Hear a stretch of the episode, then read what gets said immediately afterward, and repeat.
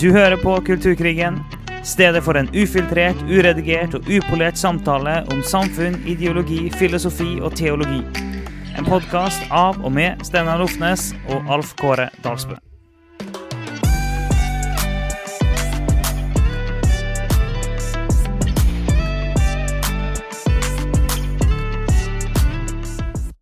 Så vi gjør det jo så enkelt at vi bare setter i gang. Det er, det, er Istedenfor å vente på en begynnelse, så bare starter vi. For det, det er så utrolig slitsomt å prøve å tenke gjennom hvordan skal vi begynne det her. Så det er Derfor er det av og til jeg bare starter midt i en setning til Steinar, og så er vi i gang. Ja, det, det, føles enk, enklest ut. Sansen for den. Ja, ja. Men OK, eh, nå er vi i gang.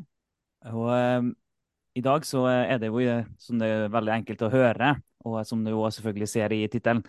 Så vi vil, eh, vil, du som hører på, eh, legge merke til at det ikke er bare meg og Steinar i dag. I dag har vi besøk av, eh, av Truls Mehus Olufsen.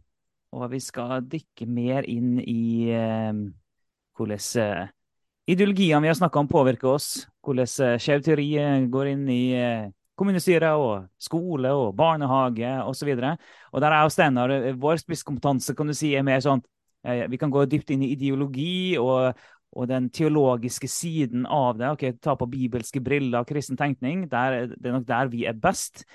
Men, eh, men, vi er ikke best på å virkelig ha god oversikt over alle hvordan det her kryper inn i lovverk og byråkrati. Og, og vi står ikke midt i, i politikken sjøl heller. Så Da er det så nydelig å få inn en person som er 100 ganger bedre enn oss på akkurat det. Yes. Ja, da takker jeg for eh, den uh, ja. introduksjonen. Hva har du å si, Steinar?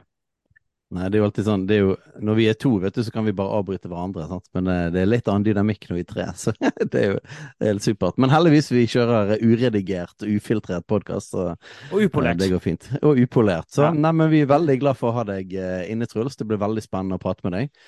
Og, og jeg tror vi alle sammen merker jo selvfølgelig hvordan disse her ideologiene preger på en måte populærkulturen når man leser i, i aviser og medier og sånt. Men jeg tror faktisk at det vil være overraskende for en del, og til og med når, så mye som vi har satt oss inn i ting, når jeg på en måte hører på ting du har sagt, og man hører litt sånn helt konkret hvordan, hvordan dette preger Norge, og er sneket seg liksom inn i liksom sånn kjernen av samfunnet.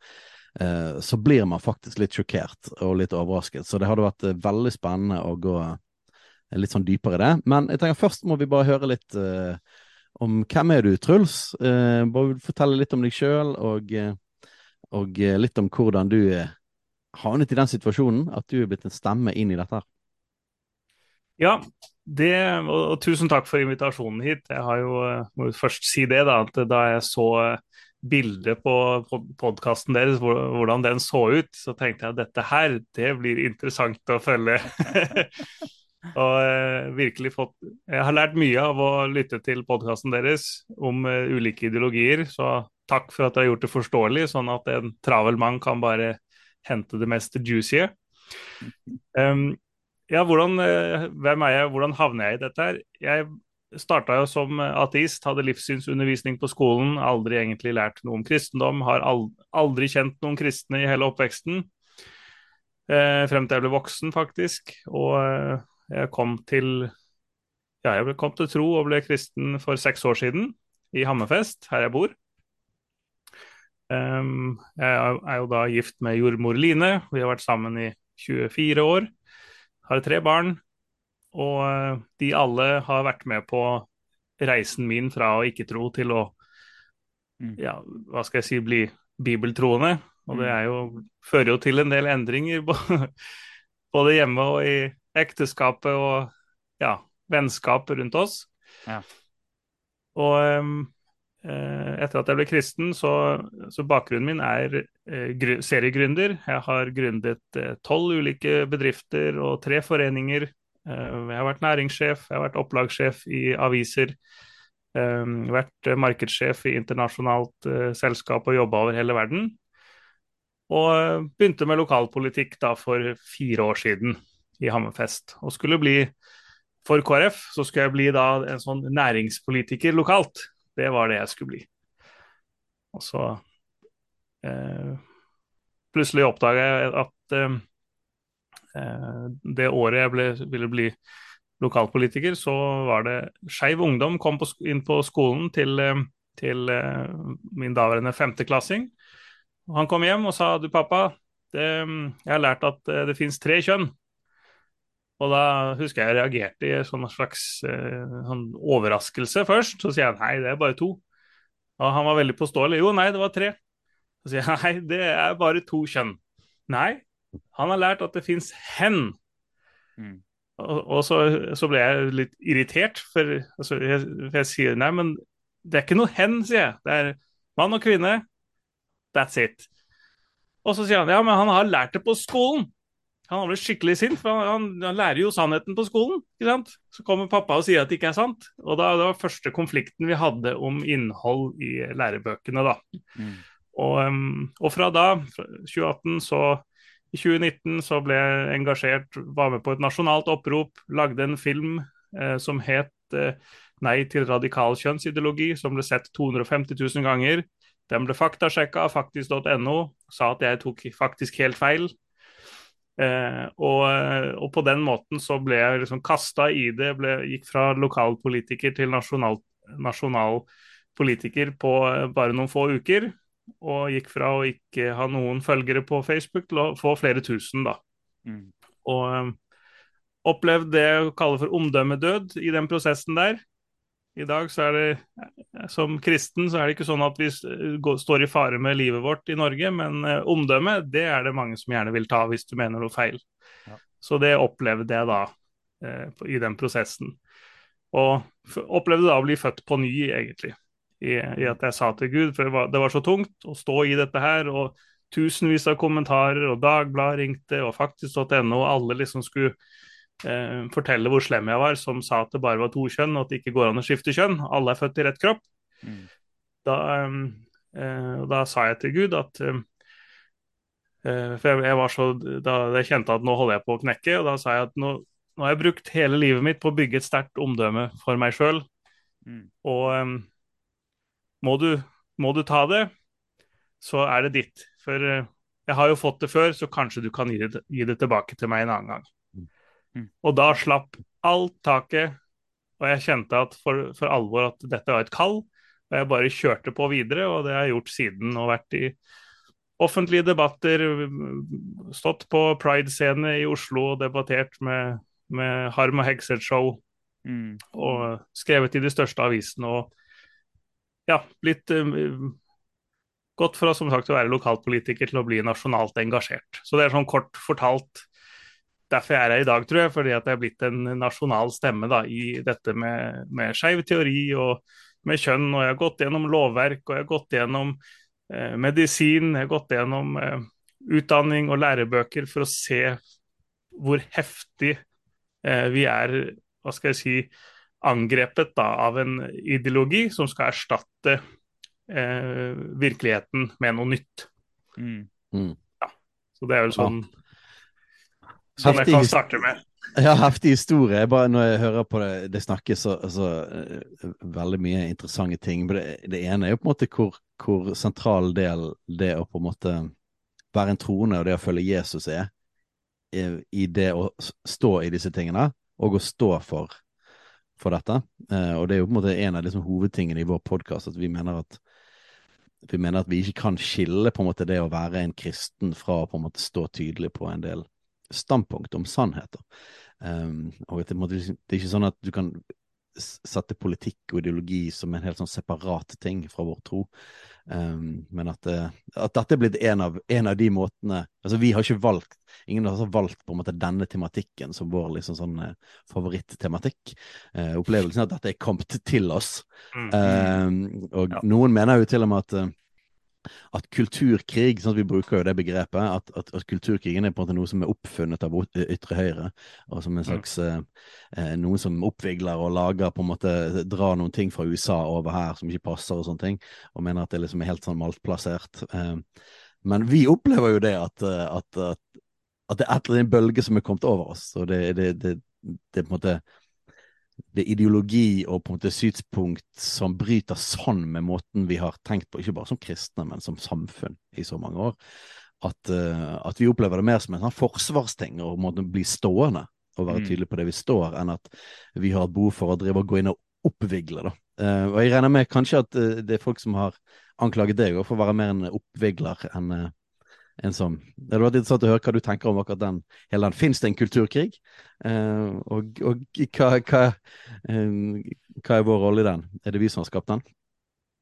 Ja, eh, da i desember 2019 da, da, var jeg fortsatt veldig fersk kristen og hadde ikke helt lest hele Bibelen ennå. Jeg hadde, var, hadde akkurat begynt å forstå apologetikk og dette her. Og da var det, når den filmen min gikk ut, da, da var det en eh, kristen som, eh, som, ringte meg. Og det, det må jeg si, det var jo vanvittig mange som ringte meg og sendte støttemeldinger. At endelig noen som sier sannheten om dette her. Og da var det en eh, dame som sa det at eh, ja, Truls, du vet det at vi står i en åndskamp. Vi står i en åndskamp. Og jeg visste jo ikke hva en åndskamp var da. Mm. Mm.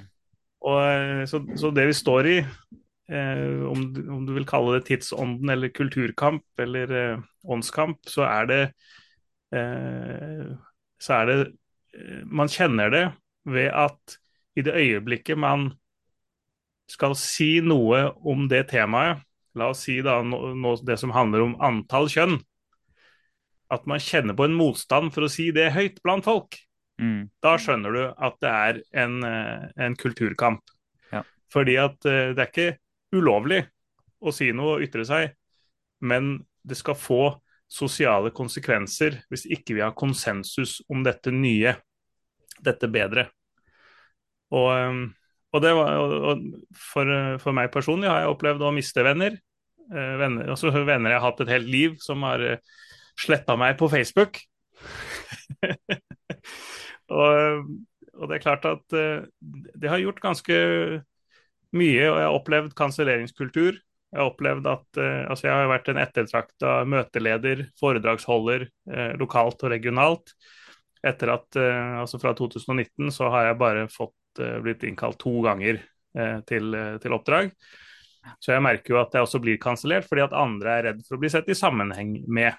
Mm. At du har sagt dette her, da ble veldig mange sint. OK, da kan ikke vi ha kontakt lenger. Mm. Det er mekanikken. Mm. Så, så, hvis du lurer på om vi står i en åndskamp, så kan du jo prøve å, å uh, si noe som du ikke har sagt før. om uh, uh, f.eks. går det an å skifte kjønn, så sier du 'jeg tror ikke det går an å skifte kjønn'. Mm. Da er det ganske mange som har meninger om det, og om deg. Mm. Folk får meninger om deg med en gang, og det er det som er at vi i dag vi har, vi har så dårlig debattkultur i Norge at vi vet ikke hvordan vi skal håndtere folk som sier noe du sjøl ikke tror på. Mm. Da må vi diskutere dine holdninger, for de er mm. gale. Mm. Så ja, det er vel et sånt kort, langt svar. Mm. jo, men, men jeg syns det, det, er et veldig godt poeng det du sier med ok, lurer du på om det er en uh, kulturkrig eller åndskamp eller hva enn du vil kalle det. Hvis du lurer på det, bare prøv å si hva du egentlig mener. Så, eller for å si det sånn, Eh, tenk over noen, noen, ting du egentlig mener, men ikke tør å si. Det er jo første steg. Mm. Eh, sånn, ok, Men hvorfor tør du ikke å si det? da? Hva er det du kjenner på? Og så Deretter mm. så kan du faktisk prøve å si det da, og se hva som skjer. Mm. det, men det, det, er jo en grunn til at det er skummelt å si det. Det er fordi du frykter ja. konsekvensene. Du, du sa sjøl det her med omdømmedød. Og um, det fikk meg til å tenke på Einar Øverenge, han filosofen ja. som han har skrevet en bok som heter 'Intoleransens inntog'. Og Der snakker han jo blant annet om eh, sosial død og at det nesten er verre. Eh, folk frykter det mer enn den fysiske døden, nærmest. Og nå Poenget hans er at nettopp pga. det, at frykten for den sosiale døden er så stor, så vil mm. folk eh, innordne seg.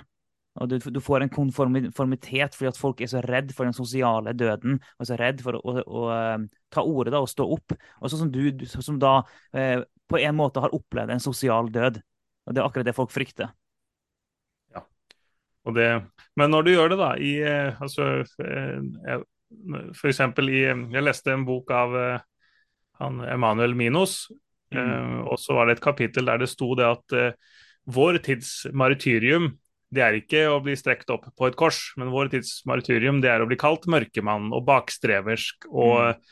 Eh, og, og tape omdømmet og bli baksnakket og, og, alt dette her. Det er vår tids martyrium. Mm. Og det er også Jeg kobler den litt opp til, eh, til romerne 12.1 med at vi skal bære våre kropper som et eh, hellig offer til ære for Gud, og det er vår gudstjeneste. Og da tenker jeg at det handler om omdømmet vårt òg. Mm. At vi må være villige til å offre, korsfeste omdømmet vårt. Uh, og det, er, det, tror jeg kanskje ikke kristne har et like bevisst forhold til. Ja, men uh, oh, dette er et spennende tema, altså. Og um... Ja, og jeg må bare si en ting sikkert før vi eventuelt bytter noe tema her. for at jeg merker jo når du snakker, Truls så, for det, Jeg har visst hvem du, hvem du er i noen år. Når du skjøt fart ut på den nasjonale scenen så fikk jo jeg det med meg òg. Og jeg vet at det er, det er folk som, eh, som syns det er veldig bra det vi gjør i podkasten. Og sier at det gir dem fremodighet, de er takknemlige. Ok, det er så bra at noen eh, tar ordet, men vi har jo ikke opplevd det trøkk som det du har opplevd. Og du begynte jo lenge før oss. Eh, og jeg kjenner, jeg kjenner jeg blir takknemlig for at du var villig til å ta det steget, og du har vært villig til å stå i det. Og og det, det, at du har gjort det òg, det har òg vært med å skape og åpne et rom for oss. Ja, men, sånn, okay, men vi har hele tida visst at du driver på med det her. Ja, men da, vi òg kan gjøre det her. Eh, så, så altså Det kan godt være at vi hadde starta uansett med det her. Det er selvfølgelig mulig, men du har definitivt vært med å åpne øynene våre for at det, det her er nødvendig. Det har du. Jeg vil bare si tusen takk for det. Og, og jeg også har jo vært inspirert av eh, f.eks. Jordan Peterson, som jeg ser at ok, han får til. Jeg ser altså Ben Shapiro, det at han har fått til.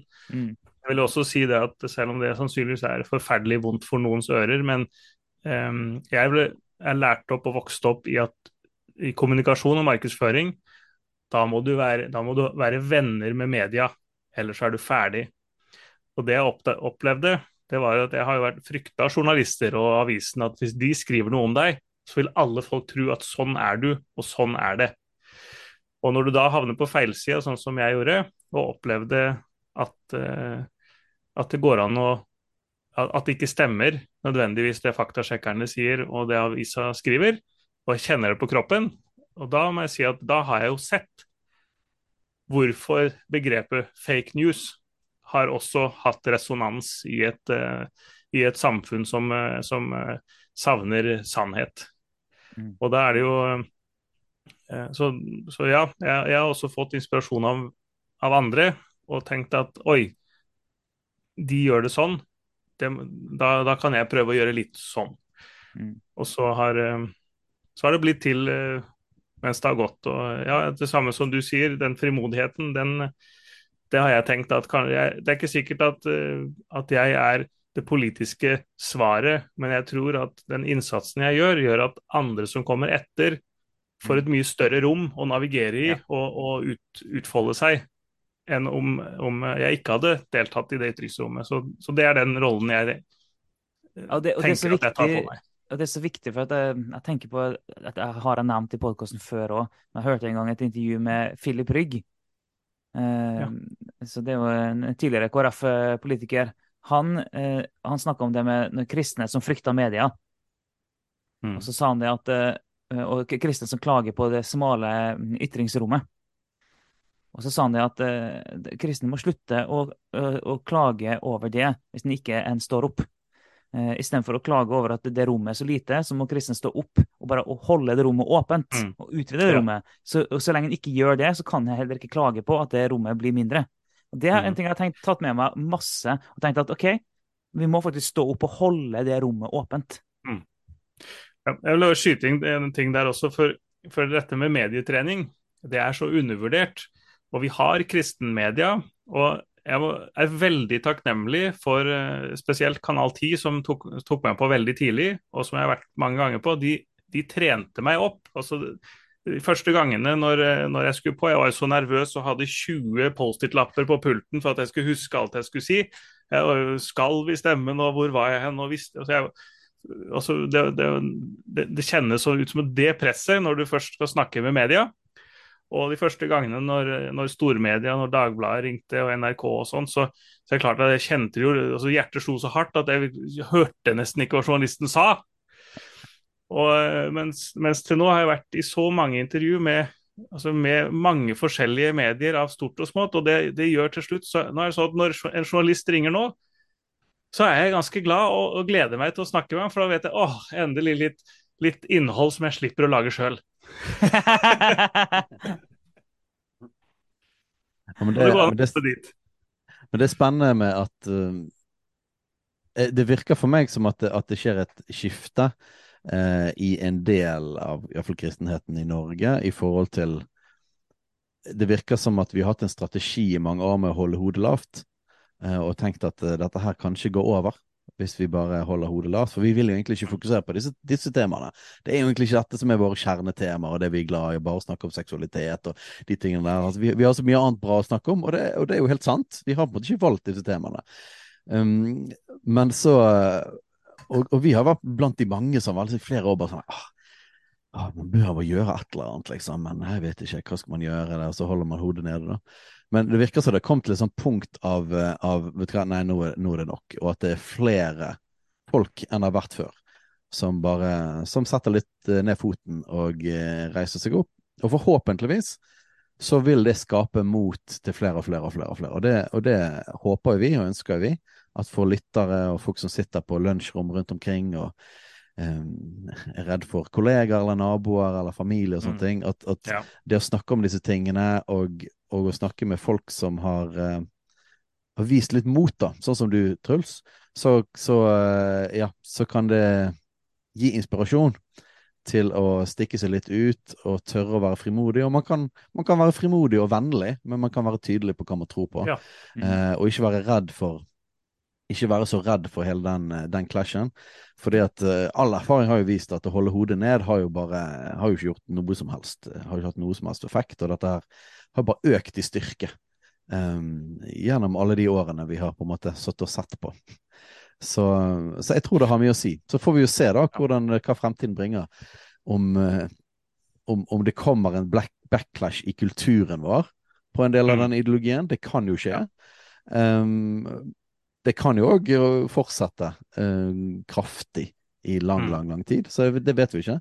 Men jeg tenker at det har i alle fall positiv effekt at uh, flere reiser seg opp og tør å være en stemme på det.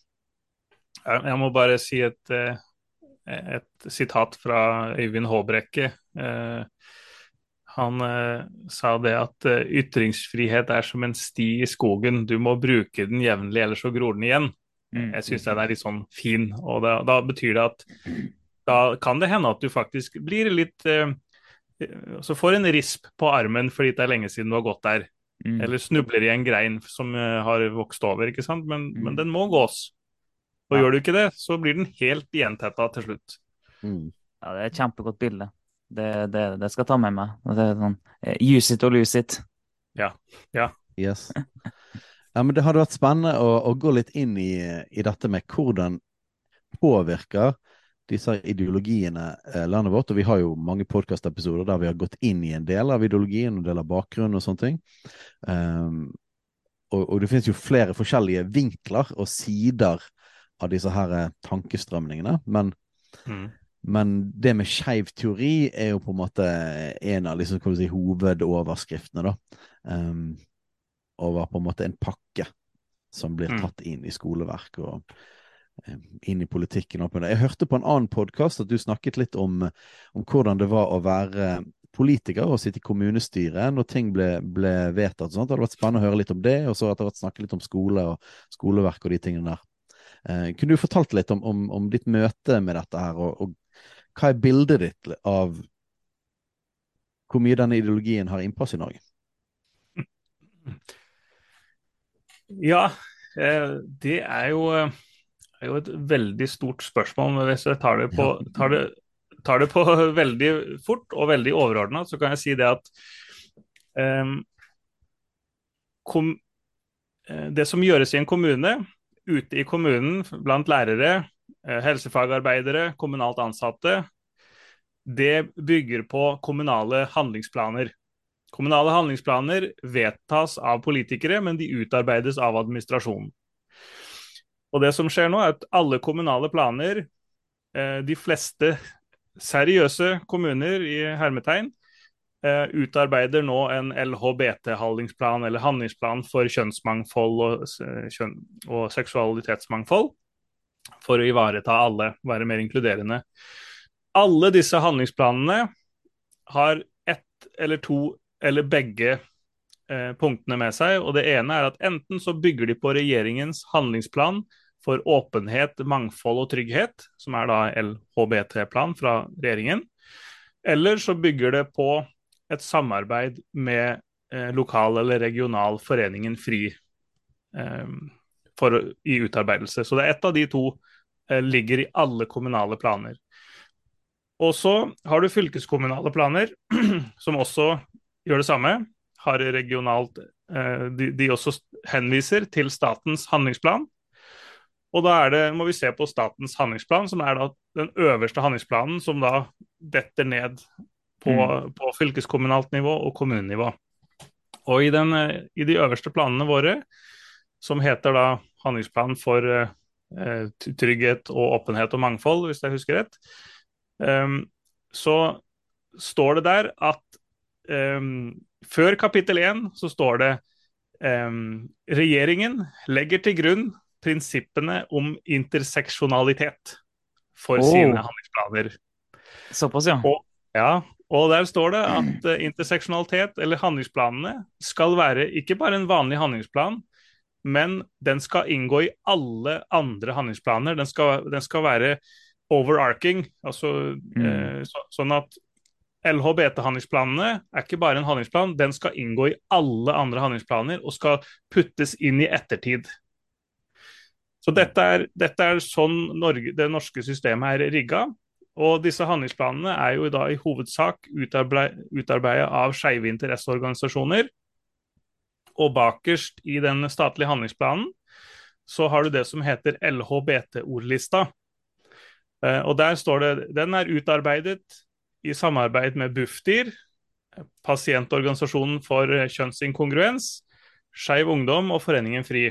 Og det er de samme folkene i de tre foreningene. da. De mm. bytter mm. hatter og stoler iblant. Og um, går du på Bufdir sin nettside, så har de også en LHBT-ordliste. Altså Barne-, ungdoms- og familiedirektoratet.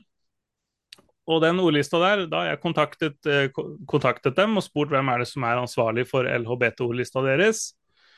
Um, jo, de har, fått, de har hentet troverdige samarbeidspartnere til å lage den. Så er ikke, den er ikke noe kildehenvisning på hele LHBT-ordlista, som, som, den norske stat da definerer språk ut ifra. Ingen kilder, men den der er laget av en tredjepart som de ikke ville navngi. Bare en troverdig part. Og så sier de og forresten så bygger vår LHBT-ordliste på regjeringens handlingsplan. Men regjeringens handlingsplan refererer til Bufdir og Friforeningen. Så det er en sirkelargumentasjon. Mm. Så, så ingen tar ansvaret. Ingen tar ansvaret. Og all byråkrati i landet peker på handlingsplaner. De sier ja, men vi gjør bare det handlingsplanen sier. Vi gjør bare det handlingsplanen sier. Lærerne sier vi gjør bare det læreplanen sier. Alle henviser til styrende planer som er politisk vedtatt.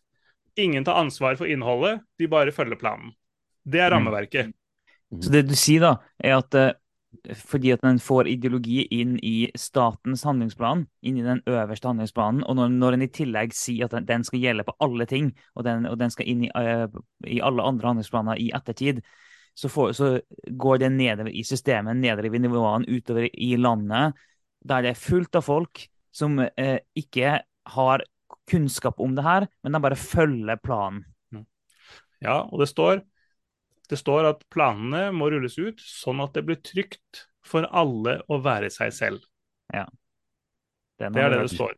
Ja, mm. og, um, og, det står at det må være uh, Det er ikke trygt for skeive å være ansatt i kommunen eller i staten hvis ikke så så stor andel uh, som jobber der og i ledelsen har skeiv kompetanse. Sånn mm. at du skal bruke rett språk. Og jeg tipper, jeg... At den, eh, jeg tipper, at den, ordlisten eh, minner litt om eh, julekalenderen vi har hatt. Ja, så det er jo det. egentlig Så alle disse tingene sant? For at, til og med om vi, om vi har jobbet med dette her i noen år, og vi snakker om dette, og vi på en måte vet hvor stor innflytelse det har i kulturen vår, så det er nesten man blir likevel overrasket over hvor stor del av på det samfunnet, og hvor dypt liksom i hele samfunnsstrukturen denne ideologien faktisk eh, er kommet. Uten at de fleste i Norge egentlig kjenner til hva denne ideologien Nei. lærer. Og den, det, det som er eh, Norge som, eh, som land, vi er jo egentlig et ganske konservativt folk. I den forstand at vi er eh, det første vi forsøker å oppnå, er konsensus. Det er liksom, det er liksom, I Norge så er det å være enige. Det er, liksom, det, det er mål nummer én. Mm. Og, og så har vi vanvittig eh, høy tillit til myndighetene i Norge. Det, og, det, og det er jo en styrke og en svakhet. Og det er jo en veldig svakhet i det øyeblikket eh, myndighetene begynner å pushe noe sånn som dette her. Pushe et nytt narrativ, Mm. en ny forståelse av seksualitet, en ny forståelse av kjønn, Mm. som eh, bryter diam, altså totalt med både biologi og kristen teologi. Mm. Og um, når du spurte om min opplevelse, jo, i 2019 da alt traff samtidig, eh, og jeg gikk fra lokal til nasjonal ansikt, så eh, var, da var jeg så stressa. Og for å toppe det hele, så var det et kommunestyre 15.12., eh, samtidig som alt det andre skjedde rundt. Og da hadde det fått så mye oppmerksomhet at da, da eh, tok Arbeiderpartiet, som hadde ordføreren, da hadde de det som heter en interpellasjon. Det betyr at en kommunestyrerepresentant går opp på talerstolen og leser et spørsmål til ordfører, som ordfører har fått, og så skal ordfører svare ut. Og det spørsmålet, det var Det har oppstått homofobe tilstander i Hammerfest som følge av det jeg hadde gjort, da, men det ble jo ikke sagt. Og hva vil eh, ordføreren gjøre for å eh, sikre, eh, sikre og gjøre det tryggere for LHBT-personer i Hammerfest kommune? Da, sier, da kommer svaret til, eh, fra ordføreren at eh, jo, eh, vi, vil gjøre, vi vil gjøre det tryggere ved å lage en ny handlingsplan. En kommunal handlingsplan, og den skal bygge på bla, bla, bla. Disse tingene som står i staten.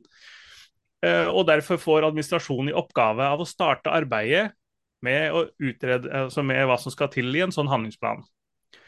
Og så går det ett og et halvt år. Så kommer da første politiske eh, dokument fra administrasjonen til oss, der det står 'Handlingsplan for kjønns- og seksualitetsmangfold i Hammerfest kommune'. Så kommer den opp, og der står det at eh, ja, vi skal da gi godkjennelse, politisk godkjennelse til at nå skal administrasjonen utarbeide en handlingsplan til den bestillinga som administrasjonen sjøl har laga. Og så, tar, eh, så ser jeg jo gjennom dette her, og den refererer jo til statens handlingsplan. Og eh, til noe selvmordsstatistikk som er eh, presentert av skeive interesseorganisasjoner. Og så Da er det jo sånn at da er det jo jeg som løper opp og ned på talerstolen, fordi at dette temaet her vet jo alle at nå blir det bråk. Mm. Og det er jo ikke bråk for at jeg lager bråk, men det er bråk fordi at jeg sier det. at eh, Jeg foreslår da at ok, hvis vi skal ha en handlingsplan, så må den ha et navn som er sant. Og kjønnsmangfold er ikke sant. Så jeg ber eh, rådmannen eh, redegjøre for ordvalget kjønnsmangfold. Men det kan jo ikke ordfører gjøre, det kan jo ikke administrasjonen gjøre. For de henviser seg til statlige handlingsplan, og der også bruker de ordet kjønnsmangfold. Og det visste jeg jo, så da leser jeg opp hvordan staten tolker kjønnsmangfold. Og det er variasjonen av kjønnsuttrykk og ditt og datt og oppfatning og kjønnsroller. Så sier jeg det er Man kan ikke bruke et begrep som ikke er sant. Så jeg legger et forslag inn på et, ny pla- et nytt navn, på at det kan hete LHBT-handlingsplan. For det kan vi være enige om. Da kan vi støtte, kan vi støtte navnet. Og så kommer jeg med et nytt forslag. Eh, en slik handlingsplan må bygge på vitenskapelig eh, Altså det må være vitenskapelig handlingsplan om alt som har med kjønn å gjøre. Og biologi. Og det forslaget det blir stemt ned. Det er kun KrF som stemmer for. At vi skal ha en handlingsplan som er vitenskapelig forankra om kjønn. Det vil ingen andre være med på. det er så dritt. Ja. Det, det, Ja, fordi at ja. Ja. Nei, bare fullfør, du. Ja, nei, det, og det som er eh, så spesielt, er jo at politikere sitter jo etterpå og i forkant og er så enig med meg. Ja, jeg er helt enig, Truls. Altså, det har gått litt for langt, og det er sånn og sånn. Men når, når alt kommer til alt, så er det ingen som vil våge å risikere omdømmet sitt og bli sett i sammenheng med noen som er blitt stempla sånn som eh, jeg og KrF. Sånn at mm. alle, av frykt for sitt eget omdømme, de sier nei, nei, vi, vi, vi stemmer for uh, vi stemmer imot disse forslagene, eller så kan det bli sett i sammenheng. Så det vil si at du får en sånn fryktkultur blant lokalpolitikere, regionalpolitikere og nasjonalpolitikere. Som du ser at på Stortinget er det kun Jenny Klinge i Senterpartiet som tør å si at det finnes to kjønn. Mm. Og dette her er fordi at man er redd for smitteeffekten, blir sett i sammenheng med kanselleringskultur osv. Så, videre. så da, da, har du fått, fått et innblikk i at Interpellasjon blir til at uh, administrasjonen skal jobbe frem en plan, henviser til statlig plan, og så kommer den tilbake, og så er det ingen som tør å egentlig stille noen kritiske spørsmål. Mm. Og så vedtar egentlig politikerne bare eh, nye, en ny virkelighetsoppfatning som er forfattet av skeive interesseorganisasjoner og skeive aktivister. Og det her skjer jo sannsynligvis i veldig mange kommuner, det du beskriver nå. Ja, det skjer i hele landet. Så det at uh, FRI og andre organisasjoner har fått en sånn innflytelse på statlige handlingsplaner, uh, så det, det, er jo uh, på en måte, jeg håper å si, um, ære til, til, til, dem for det de har klart å få til. Ja. Det, er, for, altså, det er sjelden en aktivistorganisasjon har klart å få en sånn innflytelse på så kort mm. tid. En så heftig, gjennomgripende innflytelse. Det, men det her er faktisk en hjelp for meg til å forstå. for Det, det med handlingsplaner sånn, er, ikke et felt jeg kan så mye om. Men det å forstå det at ved at de får innpass på eh, nasjonal, statlig handlingsplan, så vil alle bare peke til den. Mm. Om de er enige, uenige, om de tør eller ikke tør. Om det går, og veldig ofte går på automatikk, så vil de bare peke dit hele tida. Og så vil de bare ja. følge det. Og så blir det sånn stilltiende konformitet, og så følger de bare en statlig handlingsplan. Så mm. siv ideologien ut. Og det er jo helt vanvittig når, du, når, vi hører at allerede i begynnelsen av den handlingsplanen så står det at den er bygd på interseksjonalitet. Og Hvis en ikke har innsikt i det her, så vil en ikke tenke så mye over det. Men for oss som har eh, jobba med det, vi vet at når det står det, så betyr det at det her er gjennomsyra av en helt spesifikk ideologi med et helt spesifikt mål. Det, og det er ikke nøytralt i det hele tatt. Det er så langt unna noe nøytralt som du kan komme. Og det er da på den statlige handlingsplanen. Og det da fører naturligvis til at en ikke vil at planen skal være bygga på noe vitenskapelig om kjønn og biologi. Det, for at i denne, Med interseksjonalitet og den ideologien som det er en del av, så avviser en jo det. En kan ikke forholde seg til biologi og kjønn på den måten. Nei. Jeg vil bare føye til en, en, en ting om at Eh, det jeg sa i sted om at eh, det er for at dette her må ut, handlingsplanene må ut eh, og utarbeides av kommuner og fylker og, og staten for at det skal bli trygt for alle skeive. Det er jo det er litt sånn at bare skeive vet hvilke språk alle andre må bruke for at skeive ikke skal få vonde følelser og oppleve diskriminering. Derfor må skeive og skeive interesseorganisasjoner få makt og, og penger for å bestemme hva majoriteten av befolkningen skal lære mm. i alle deler av samfunnet. For det er derfor handlingsplanene skal ut i alle deler av kommunen og fylkeskommunen og staten. Det, det er det det handler om. Og, her, og det, er, det er en minoritetstankegang om at uh, en sånn offermentalitet som bygger på det, dette med interseksjonalitet um, At jo, jo, jo, flere ting du kan diskrimineres på, som dere har vært igjennom Hvis du er, hvis du er en hvit mann som pusher 50, da er du nederst på hierarkiet. Du er, du, du er ingenting verdt. Men hvis du er en um, en eh, farget eh, transkvinne som er lesbisk med handikap, mm. eh, overvektig og, og, lite penger, fattig, da er du så høyt toppen du kommer. Mm. Ikke sant? Og da er det sånn at da er du modig bare ved å eksistere og si noe. Da er du mo modig, og så skal hele samfunnet lære å forholde seg til alle delene du kan bli diskriminert på. Og Det er sånn samfunnet vårt bygger opp nå, som om, som om at det er staten sin rolle å sørge for at eh, hvert eneste individ i landet egentlig er en minoritet i seg selv, i sin Mm. unikhet, som Ja. ikke skal diskrimineres på noen måte. Og det er Altså, altså for, for, for alle, alle som, eh, som synes at vi overdriver litt når vi snakker om, eh, om nymarxisme og interseksjonalitet, og hvordan det, griper for seg innover i samfunnet vårt, og synes at det, vi drar det litt langt da, av og til. Så bare sånn, ja, men det er jo spesifikt skrevet i statens egen handlingsplan.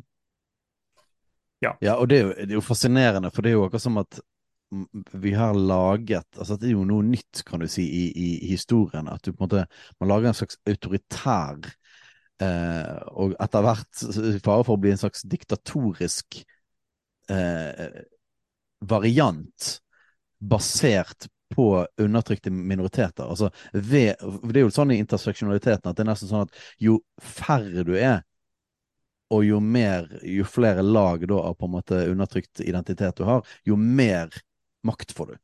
Eh, så det er bare sånn, at jo, jo mer marginal du er, jo lenger ute du er i LHBTQI-alfabetet, jo, jo mer kan du få definere. Og vi har jo sett det i, for i forhold til transaktivismen eh, de siste årene, at de trumfer eh, nå de tidligere bokstavene. Eh, sånn at på en måte, For det, de er enda mindre og enda mer undertrykt, som gjør at de kan være enda mer aggressive. Og plutselig kan de begynne å snakke om det som vi hørte for første gang eh, i fjor, som var at, at vi må begynne å snakke om eh, white gay privilege. Eh, altså på en måte at, at eh, disse som var på en måte de første homoaktivistene, er nå begynt å komme i kategorien med Mm. undertrykkerne sjøl. Eh, som gjør at jo mindre gruppe du er, jo mer autoritet får du. Og dette er jo, det er jo grunnleggende udemokratisk, det du forteller. For har, du en, har du hatt en folkeavstemning på eksempel eh, skal vi forholde oss til biologisk kjønn? Vil vi at kommunale handlingsplaner skal være bygget på vitenskap, eksempel? Så jeg er rimelig sikker på at det hadde blitt et dundrende flertall for eh, vitenskap og en tradisjonell forståelse av kjønn. Og så vet vi selvfølgelig det at det endres, fordi at, fordi at jo, jo lenger den ideologien får lov til å påvirke oss fra barnehage til fra vugge til grav, så er det jo klart at, at flere og flere vil være enig i det. Men jeg er ganske sikker på at det ikke er et flertall av Norges befolkning per nå som, som står for de tingene der. Um, så, så det er jo på en måte et, det er jo et udemokratisk kupp. uh, med en ideologi. Så det er ganske alvorlig, bare de tingene du forteller. Og jeg tror ikke folk skjønner helt rekkevidden av, av hva konsekvensene det har, og hvor udemokratisk faktisk eh, hele denne her ideologien er, og måten det skjer på. Altså strategien for, for at det går gjennom, eh, har vært udemokratisk. Og det har vi mange eksempler på, faktisk. Eh, bare ting jeg kom på. Jeg husker når kjønnsnøytral ekteskapslov eh, kom igjennom. For det, det var sånn hastearbeid gjennom sommeren og sånne ting. Eh, og så husker jeg at uh, min kone var, uh, var dagmamma, så var sånn offentlig registrert dagmamma, så da fikk hun sånne ting som barnehager eh, fikk i posten. Og jeg husker det at, at dette ble jo på en måte vedtatt, var det, var det i august eller var det gjennom sommeren? Kjønnsnøytral ekteskapslov. Og så gikk det liksom et par dager, og så fikk vi i posten en feit bunke med magasiner da, fra Familiedepartementet og sånn som det, om gjennomført eh, snakk om seksualitet og homofili og alt mulig sånn, rettet mot de som drev barnehager, dagmamma og sånne ting, hvordan de nå skulle forholde seg til dette. Eh, og det er jo interessant, for de må jo ha, ha lagd disse her lenge før dette kom opp i Stortinget. Eh, Så dette har altså departementet har faktisk skrevet det og lagd det før det ble demokratisk vedtatt. Eh, og så er det masse andre sider av hvordan det ble vedtatt. Eh, has, Hastegjennomgangen av det, og hvordan sånn, sånn. Men det var helt åpenbart når vi fikk, plutselig fikk det i posten. så bare sånn, Hva er det som har skjedd her? Dette er ikke en normal demokratisk prosess. Dette, dette, har skjedd. dette var liksom, dette er bestemt at det skulle gjennom før det var gjennom. Ja. Um, så, og det finnes en rekke sånne historier av Ja. hvordan lobbyorganisasjonene har basically presset inn Mm. disse tingene her, og, og vært bob-bob altså på, på demokratiske prosesser. Uh, Og det er egentlig nesten kanskje det skumleste med det du forteller, er det at um, om man så skulle følge alle prosesser riktig, så er det det at bare frykten for å gjøre noe, si noe opp imot det, i tillegg til uvitenheten Mm. i forhold til hva dette faktisk er for noen ting, gjør det at folk kan på en måte nesten sånn blindt vedta disse tingene um, Mm. gjennom hele systemet i landet. Um, den um, kom på noe du sa, det med, med at folk vet lite. Eh, da, I 2019, da jeg begynte å pirke i dette her, så ble jeg kjent med, lesbisk eh, feminist Tonje Jevjon, som nå, nå står, skal etterforskes eh, for hatefulle ytringer og står overfor potensielt tre års fengsel for å ha sagt at eh, eh menn kan ikke være lesbisk. Mm. Um, og hun fortalte meg da, i et av de første møtene, så sa hun men Truls, du skjønner jo det, det, det går ikke an å skifte kjønn. Så, og da husker jeg ble helt satt ut. Kan ikke si det. Jeg kjente at det var radikalt å si. Jeg bare kjente at det traff meg. Å, det, det kan ikke si sånn, vet du. så, så, jeg merker jo at jeg har jo også blitt indoktrinert med, med, det, fordi at det snakkes om skiftekjønn. Man snakker om som at det er naturlig. Og, og det var jo lenge før hvor gærent det egentlig har vært de siste ti årene. Så det barna våre vokser opp med nå, det er en bevissthet om at sånn er det. Det går an. Det er en menneskerettighet å mm. definere seg selv. Bare mm. du vet hvem du er. Og det er mm. din rett å definere deg. Ingen andre har lov å si noen ting. Ikke mamma og pappa, ingen andre. Bare du. Og, og, det, og derfor er det sånn da at vil du skifte kjønn, så kan du skifte kjønn. Og alle snakker om det, så disse etablerte sannhetene eh, blir nå det du, eh, som vi har vært inne på, det er staten dytter ut narrativet til alle fra, fra vugge til grav. Um, og, og, og, da tenkte jeg skulle nevne det fordi at, uh, fordi at dette her som vi kaller ideologi, det er ikke offentlig stadfesta at det er en ideologi. Og det er et problem. Ja, det er det. Så, så, jeg har prøvd å søke på det som heter altså queer ideology, for det er skeiv ideologi. Jeg mener at det er et begrep vi burde coina. Til alle menn der ute, sett av helga 3. til 5. mai 2024, for da skal Kulturkrigen arrangere mannshelg på Hemsedal høyfjellssenter. Da skal vi gå inn i mannstematikk koblet til kulturkrigen. Altså, hvordan er det å være mann i denne krigen vi står i i samfunnet, og hva er faktisk vårt ansvar og vår rolle? Så hvis du syns det er interessant, og hvis du liker å høre på denne podkasten her, så går du til fjells.no og melder deg på mannshelg med Kulturkrigen 3. til 5. mai. Gjør det Vel. nå. Så sagt at det, Nå etablerer vi skeiv ideologi, queer mm. ideology. Mm. Og og det, og det er ikke brukt. Eh, og, det, og, problemet med dette her er jo at historieforskere og idéhistorieforskere tør jo heller ikke å, å gå ut med sånne ting. Mm. Og, men eh, det vi ser nå, at skeiv ideologi er, det er at det er en, det som kalles for en politisk religion. Og bare for å ta det kort, vi har professor Øystein Sørensen, bor i Bergen. Han har skrevet en bok som heter 'Politikk og religion en farlig kombinasjon'. Mm. Og der viser han Han forklarer, eh, basert på de fremste eh, idéhistorikere i verden, hva politisk religion er. Og politisk religion, det er en eh, eh, Hva skal jeg forklare det for? Det er en ny måte å utøve politikk på ved å inkorporere etablerte sannheter. Og politikken er i alt. Det er politikk i alt. Og det er et absolutte sannheter som det ikke skal røres ved, og det er politikk i alt. Det er de to tingene som, som gjør at ingen tør å røre i det. Absolutte sannheter. Det er altomfattende. Og det er det vi ser nå. Det skal inn fra krybbe til grav i alle deler av samfunnet. Mm. Så kort fortalt, det har et begrep, politisk religion, og det er en ideologi, skeiv ideologi. Og politiske religioner har til hensikt å tilsidesette kristendommen og fjerne det, for det er ikke rom for to syn i politisk religion. Det er ett syn, det er absolutte sannheter. Og um, for å spole frem, eh, eller først se tilbake, politiske religioner, eksempler på det har vært fascismen, um, nazismen, marxismen, sånn, de typer er klassifisert i dag som politisk religion, fordi det går inn i den religiøse sfæren. Mm. Um, og helliggjør, altså man helliggjør uh, verslige ting. og som, som, skal dyrkes som, som helliggjørelse.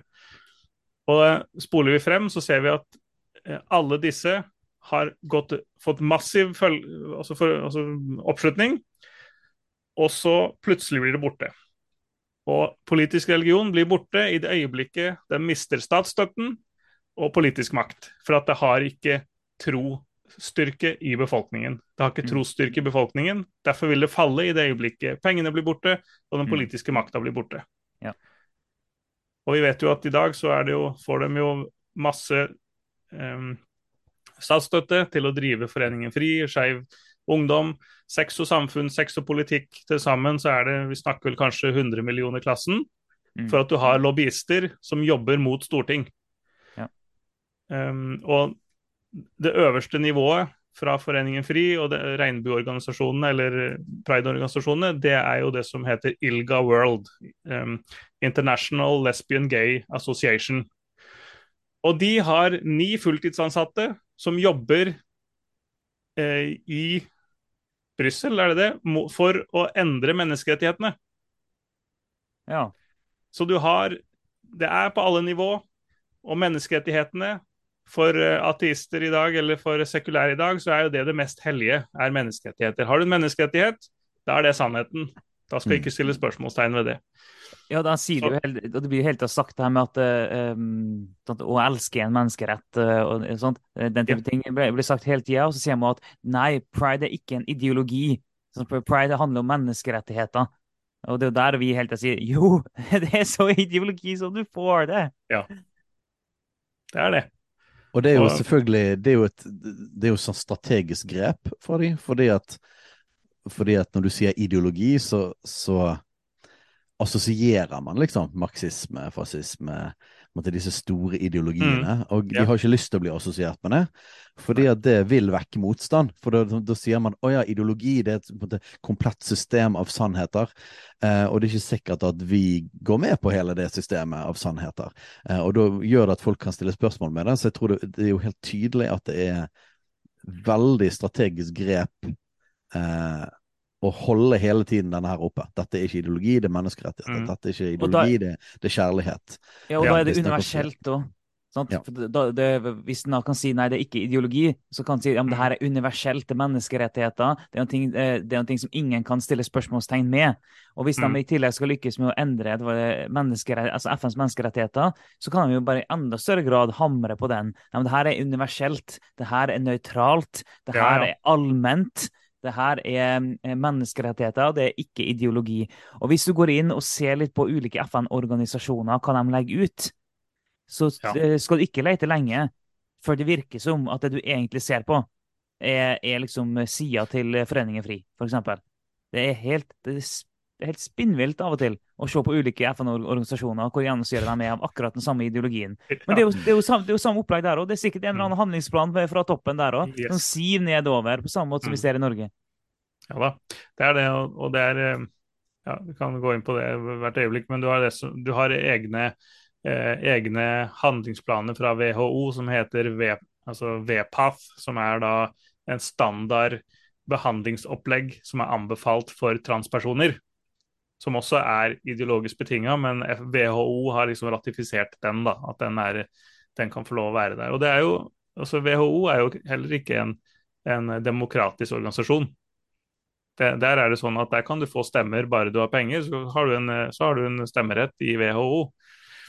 Og de også er fullt mottakelige for politisk påvirkning. Og det, begrepet demagogi, jeg vil bare ta det når, med det du sa nå. det er, altså Demagogi er et virkemiddel for å forføre andre med taleevne eller andre ting. For, og den benyttes på gunstige tidspunkt for å appellere til folks instinkter og fordommer. Demagogi. Og et, eh, et tegn med politisk religion er at demagogien den er konstant i alle, altså allstedenværende propaganda og feiring av bevegelsen. Det er liksom altså det, det er sånn kjennetegn. Og Vi ser jo disse prideflaggene overalt. Um, i, altså, her oppe i Finnmark, Finnmark så er det sånn at fylkeskommunen kjøper nye skolesekker til førsteklassingene på første skoledag. Og nå i år så var det jo pryda med pride-logo på, på, skolesekkene mm. der. mm. som ble en, ble en, svær sak her. For det er jo mange altså, Det skal inn overalt. Det skal feires, applauderes. Og de politikerne som blir konfrontert, de sier jo akkurat det du sa, at dette her er, det er kjærlighet, og det er, det er, mangfold, og det er inkludering. og, eh, og, og så, Hvis du da kritiserer det, da er det deg det er noe gærent med. Mm. Så den går rett på deg som person. Og folk orker jo ikke å bli sett på som en slem person. Og jeg har blitt omtalt som at jeg er på et korstog. Av, altså Redaktøren i Altaposten sa at jeg er på et korstog mot skeive. Mm. Ved, ved, å si at det er kun to kjønn. Alle er født mm. i rett kropp. Det er på et korstog mot skeive. Så ja. Det, det, får, det, ja, det er så mye å si om det, men sånn du blir omtalt som at du er på korstog fordi du sier det er to kjønn. Og, ehm, og uh, i praksis er det hun du nevnte hun er Tonje Gjevjon, eller hva heter som mm. da står, står, i fare for å komme i fengsel fordi at hun sier at en mann kan ikke være lesbisk. Det hun i praksis da sier, er at det finnes bare to kjønn, du kan ikke endre det. Uh, nå Tidligere i desember så hadde du den norske modellen som, som ja. hadde en video på TikTok. Han hadde 70 000 følgere og, sånt, og jeg var modell for Jean-Paul. Uh, og så hadde han en video der han sa det er bare to kjønn, og du kan ikke endre kjønn. Og på grunn av det så ble først videoen tatt ned. Deretter så ble han utestengt fra TikTok. Og, og hans, og, og hans, kontrakt, da, eller arbeid med Jean-Paul, ble avslutta. Og det sto, Jean-Paul tok sterk avstand fra han. Og det eneste han hadde gjort, var å si det finnes bare to kjønn. Og alle dere tre, da, du og Tonje og han, alle, alle nordmenn har, har, opplevd å bare si det finnes bare to kjønn, og dermed fått et helt en vanvittig kjør mot seg. Så bare det, OK, ja. du, du, du, blir kansellert, du blir kalt mm. fæle ting, og du eh, Til og med så risikerer du å komme i fengsel pga. såkalte hatefulle ytringer eh, ved å bare si det finnes to kjønn. Ja, det stemmer. Og det de gjør, det første de gjør, er å forsøke å ta inntekten din for da blir du så opptatt med å bare forsøke å få ny inntekt at du blir egentlig tatt bort av samfunnsdebatten. Og det som er komisk, er jo at Sean Paul, hvis du går på nettsida deres og skal kjøpe klær, så finner du bare herreklær og dameklær. Ja. ja det er sant. Det, det er så komisk. Og, og Tonje Jevion hun fortalte meg hun ble kansellert. Hun, hun, drev en, en, gruppe, en dansegruppe Eh, som uh, har vært veldig populær til å, å, bli leid inn eh, på mange steder, og også internasjonalt, for å, for å opptre. For at det er bare lesbiske aktivister som har en sånn spesiell klesstil og, og, musikktype. Så de lager musikk og, og, danser. Og fra øyeblikket hun i 2017 skrev at dette her med kjønnstematikken er problematisk, ble hun umiddelbart kansellert og mista inntekten sin. Mm. Fordi at det går, sånn, Aktivistene de ringer med en gang. Du må ikke leie inn de, det er, det er, de er transhatere. De, de, gjør at folk tar selvmord. De gjør at det blir vanskeligere. og må, De er hatefulle tekster. Få det bort. Mm. Og da er det jo sånn at fordi ingen er vant til å stå for noe lenger, så sier folk ja, ja, vi får, vi får bare gjøre det, da. Mm. Så det, det, er veldig lett å ta inntekta til folk. Mm. Og um, Uh, og, det, og, det, er en skikkelig stygg måte å gjøre det på. Altså, det leder umiddelbart til kanselleringskultur mm. i det øyeblikket du mener imot denne ideologien. For la oss slå mm. fast at det er en ideologi. Det er, det er en ideologi, og det, det, får meg til å tenke Når du nevnte det med, nevnte med Jean Paul, at det er, sånn, er sånn tragikomisk nærmest at på siden deres er det da, eh, bare klær for menn og kvinner. Uh, og jeg har også sett sånn uh, ulike sånn pride-T-skjorter og sånn, og så du, kan du velge da uh, hva type T-skjorte du vil ha. Å ja, nei, du kan bare velge uh, mann, altså kvinne eller herre, ikke størrelse, men utforming. Så, OK, så du har en egen pride-T-skjorte, men det er fortsatt mann eller kvinne som den er laga for. Og, og, og, nå her tidligere i desember så kom det jo en greie fra regjeringen med Trettebergstuen og um, Vestre, næringsministeren, der de skulle stramme inn enda mer på det med 40% kvinner i eh, alle styrer i Norge. Eh, for det, jeg, eh, det finnes jo allerede en sånn kvotering, men det, det, er ikke alle det gjelder. Det er en sånn greie. Det vet du sikkert mer om enn meg, Truls. Men i alle fall, de skulle stramme inn enda mer på det da, for å sikre og få skikkelig representasjon. Og så er det komisk, da, for der står det på regjeringen.no at de skal sikre representasjon av begge kjønn. Og sånn, å ja, begge kjønn, Nå er det plutselig nå er det to kjønn, da. Det, det, nå er det ikke flere. Nå er det ikke 72 eller 3 eller 5 eller hva du enn vil operere med. Så plutselig nå, i den kampen, så er det begge kjønn. Med en gang du har det feministiske perspektivet, så har du begge kjønn. Og så la seg den greia da på regjeringen.no, og så tenkte jeg det her er jo helt det her er så tullete, for det er så inkonsekvent. For her har du i det ene øyeblikket så har du en sånn klassisk feministisk kamp der du tar utgangspunkt i mm. biologisk kjønn og sier vi må ha kvinner inn i styrene. Samtidig som du har handlingsplaner på eh, nasjonalt nivå som skal trumfe gjennom at alle sammen er det kjønnet en sjøl vil være, og det kan forandre seg når som helst fra dag til dag, og ingen kan stille spørsmålstegn ved det. Du er det kjønnet du vil være når som helst. Og det skal også pushes gjennom. Og da, tenkte, da satt jeg og tenkte på det. Men, ja, men da kan jo bare et hvilket som helst styre som har 100% menn i seg, bare si at nei, her er det 40% som identifiserer seg som kvinner, og så har en oppfylt loven. Og staten kan jo ikke da komme etter dem. Det er, sånn, det er så inkonsekvent at en prøver å gjøre begge deler. En både skal kjempe en kamp med utgangspunkt i biologi, samtidig som en pusher at det er ikke bare det er irrelevant, men til og med hatefullt, og du kan komme i fengsel for å forholde deg til biologi. Så, mm. så han kjører begge deler samtidig, og det henger jo ikke sammen i det hele tatt. Nei, og så er du inne på det samme, eller dette henger også man blir jo fordømt i dag eh, potensielt hvis man sier at det er forskjell på menn og kvinner. Mm. Uh, og det er jo uh, Og det er det som er uh, Altså I Norge så gjør vi ikke forskning på store ideologiske, politiske innførte endringer.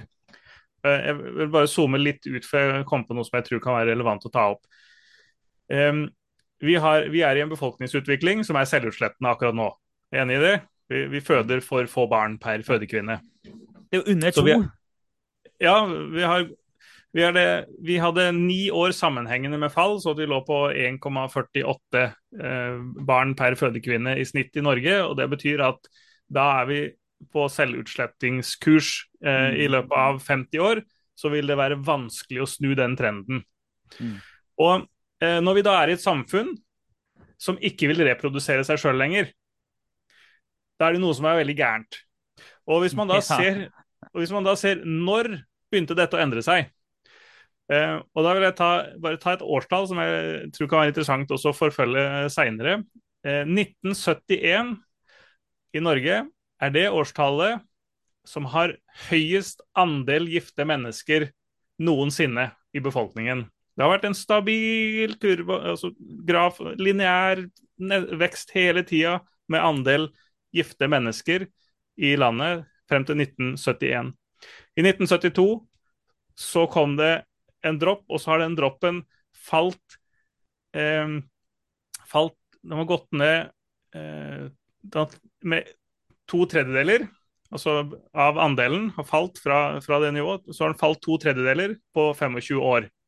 For I 1972 så ble det jo, eh, ble det jo lov å være eh, altså å uttrykke samkjønna kjærlighet offentlig.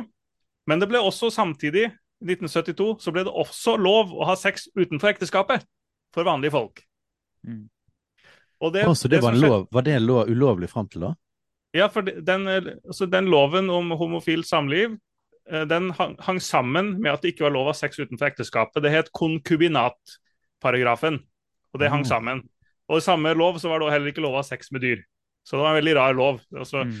Det het konkubinatloven 1972. Det som skjer da, 1972 Fra da så har det bare gått nedover. Vi har, vi, vi har da bare en tredjedel igjen av ekteskap i befolkningen. Fra 1972 så har skilsmisser økt med 400 mm. Psykisk helse har falt. 600 000 aborter med det det, det følger med seg. Um, vi ser at altså, alt som har skjedd i samfunnet, den normoppløsninga starta altså, i effekt i 1972. Da seksualitet og ekteskap ikke lenger har noe med hverandre å gjøre lenger. Det er fraskilt. Da starta virkelig uh, forfallet i, uh, og frafallet i Norge. Det er så interessant det du sier, for vi har snakka masse om eh, sånn seksuelle revolusjonen og hvordan postmodernisme og nymarxisme virkelig fikk eh, sving på seg i Vesten på slutten av 60-tallet. Eh, og her har vi begynnelsen av 70-tallet. og Abortloven kom i kraft i 1976. Mm. Eh, så det nå henger jo sammen her. Så bare 600 000 aborter mm. etter det. Eh, så alt det her henger sammen. Og du, du sier jo okay, en frikobling mellom eh, ekteskap og sex. Og, Mm. og vi vet også at når p-pillen kom i sirkulasjon, så ble det også en, en mer frikobling mellom sex og det å få barn. Og med abort så kunne du òg få barn, men slippe å få barn. Eh, Og Så- penger, ja. penger skulle bli en idé. Det var ikke lenger backa av gull. Det skjedde også i 1971 eller var 72, Fiat-valutaen. Så det var mange ideer på en gang som traff. Mm. Det er ikke en underdrivelse å kalle dette en uh, kulturell revolusjon, uh, Mm. som vi har vært en del i, og som startet på den tiden. Men det var, det var utrolig interessant å, å høre litt mer om akkurat den loven, og statistikken som er koblet til det. Det der må vi, det der må vi uh, dukke mer opp i. Men, men jeg tror jo så mye av det vi holder på med her når vi snakker om det, er jo på en måte å vi trenger å på en måte vekkes litt opp for realiteten Ja. i dette her. Fordi at, Og jeg merker det jo jeg merker det sjøl, til og med om vi holder på med dette, vi snakker om det, vi studerer det, så det er nesten sånn at eh, ettersom dagene går, så tenker jeg sjøl sånn underbevisst at jeg overdriver sikkert lite grann. Det er sikkert det er, sikkert, eh, ja, liksom, det det er sikkert ikke så galt. Og så kommer det en ny ting. Så bare, Å nei, det var sant. Det er jo helt crazy, dette. Um, for det, det, er så naturlig for oss å på en måte og, og, og, Vi har jo en fantastisk evne til å tilpasse oss, vi er mennesker. Sant? Enten det er sult eller krig eller katastrofer, så på en måte eh, Det tar kort tid før det, måte, vi normaliserer det. Og det er nok en sånn forsvarsmekanisme òg, for det, det er slitsomt å gå rundt og, liksom krisetenke hele tiden. Ja. Eh, men jeg tror at i denne situasjonen her, i hele denne kulturkrig-greien, så jobber det virkelig mot oss, altså. For det, at, for det gjør at vi lar ting bare skli. Vi lar ting bare skje. Eh, mens det faktisk trengs en oppvekking, og det trengs en, en tydelig eh, å, å si fra om dette. For hvis ikke så bare renner dette med seg eh, i hele samfunnet. Og det hadde vært interessant òg å Vi kan jo gå mange veier, men etter hvert i alle fall har jeg lyst til å komme inn på dette med skole og barnehage. Um, og lærebøker og sånne ting. Nå Mm. var vi inne i det med kommunale handlingsplaner og nasjonale handlingsplaner. Er, er, først et lite spørsmål der. Eh, hvor, lang, eh, hvor lang tid har dette foregått, det som handler om kommunale, statlige handlingsplaner? Eh, er dette Ble det en endring med regjeringsskifte? Har det, dette har jo vært en del år arbeid på disse områdene. Hvor, hva kan du si noe om liksom tids... Eh, ja, his, hva er historien på disse tingene de siste årene? Ja, nå, jeg må si at den, den som er best på de politiske datoene i Norge på når det har vært sånne endringer, det er Kjell Skartveit, som har skrevet boka 'Normløst'. Mm. Um, de, uh, de første LHBT-retningslinjene Jeg vet ikke om det, det stemmer, men den første planen jeg har lest, i hvert fall, det var i, i, var i perioden 2017 de, de første kommunale jo, jeg tror de første kommunale handlingsplanene som jeg har sett dato på, tror jeg har vært i 2017. Så det er, veld, det er veldig nytt. Um, og det er kun de største byene som egentlig inkorporerte dette her tidlig. LHBT-handlingsplaner. Mm. Um, og uh, det som er interessant å se, er at Foreningen FRI, som er da altså Foreningen for uh, kjønns, uh, seksualitets- og kjønnsmangfold, Friforeningen, de har i sin På nettsiden så har de politisk agenda. og Hvis du trykker der, så, du, så ser du hva slags politisk agenda de har. og Der står det eh, at alle kommuner og alle fylkeskommuner eh, skal eh, utvikle handlingsplaner som er utarbeidet eh, og arbeidet ledet av Foreningen FRI. Husker ikke om det var ledet, men i hvert fall Foreningen FRI skal ha en sentral rolle i utarbeidelsen av kommunale og fylkeskommunale handlingsplaner, står det. Og den er også ganske ny. Jeg tror, tror den kanskje kom inn i 2017 eller noe sånt, den, den agendaen. Så det er, det er ganske tydelig at når det står på Foreningen FRI sin nettside at det er et mål, Mm. og det stemmer at i alle fylkeskommunale og de fleste kommunale handlingsplaner så er Foreningen FRI eller Skeiv Ungdom nevnt i utarbeidelsen, så dette har jo fungert Ja. for dem. Mm. Um, Ja, så, så, det betyr, så det virker jo som at det har skjedd et Vår opplevelse er at, at det ble akkurat det kom et nivå opp i dette eh, fra 2015 til 2018 ca. Så på en måte det virker som det både internasjonalt i Norge har på en måte akselerert enda mer. da. Um, hadde ja. den forrige regjeringen hadde de en, en, lignende handlingsplan? Ja, det har vært, det har vært handlingsplan. Det verste av alt er i Det startet i 2007. Det var Arbeiderpartiet-regjeringen sa det at regjering, altså den norske stat legger til grunn um, uh, yoga karta-prinsippene. Mm. Ja, de legger til grunn yoga karta-prinsippene for sin LHBT-politikk. Altså, Yoga karta-prinsippene var jo da eh, et, noe som kalles for et tillegg til menneskerettighetene.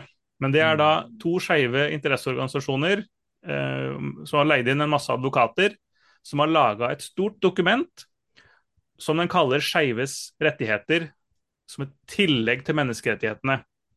Den er ikke demokratisk utforma, den er ikke ratifisert av FN. Det er ikke å anse som et FN-dokument. Men Norge var en av de første landene i verden til å ratifisere det. Vi sier at vi legger til grunn ja, yoga karta-prinsippene de legger vi til grunn som rettigheter. Mm. Så Bent Høie, når han eh, kom inn som helseminister, så han et, eh, var han med på et, en statlig handlingsplan der han introduserer seksuelle rettigheter som begrep i handlingsplanen. Uh, husker jeg ikke navnet på handlingsplanen, men i den handlingsplanen så står det det at riktignok uh, er ikke seksuelle rettigheter ratifiserte menneskerettigheter, men det er en prosess med å få det til. Men vi i Norge vi legger til grunn for det om at det er seksuelle rettigheter. Ikke sant? Så, at, mm. så at dette her uh, det ble innført ved at yoga karta-prinsippene ved Arbeiderpartiet i 2007, og så har Høyre-regjeringene bare videreført det da de kom inn, og forverra det. og det var jo høyreregjeringen med, med Høyre og Frp og Venstre som innførte at du kunne ha et kjønnsskifte bare ved en signatur. Mm. Så, så, de, de kjønnsskiftedokumentene det er en A4-side. Hvis du skal bytte kjønn i dag som, uten foreldres samtykke, må du være over 16 år. Og det eneste du gjør, er at du signerer, så står det med min signatur um, erklærer jeg at jeg opplever å tilhøre det motsatte kjønn. Sender du det inn til staten, så er det det motsatte kjønn. Én signatur, én av fire side. Det er mer komplisert å skifte navn, for da må du faktisk begrunne det. Du må ja. begrunne et navneskifte, men du må ikke begrunne, begrunne kjønnsskiftet til staten. Oi, oi. Og det var Høyre som innførte i 2015 til 2016, var det vel.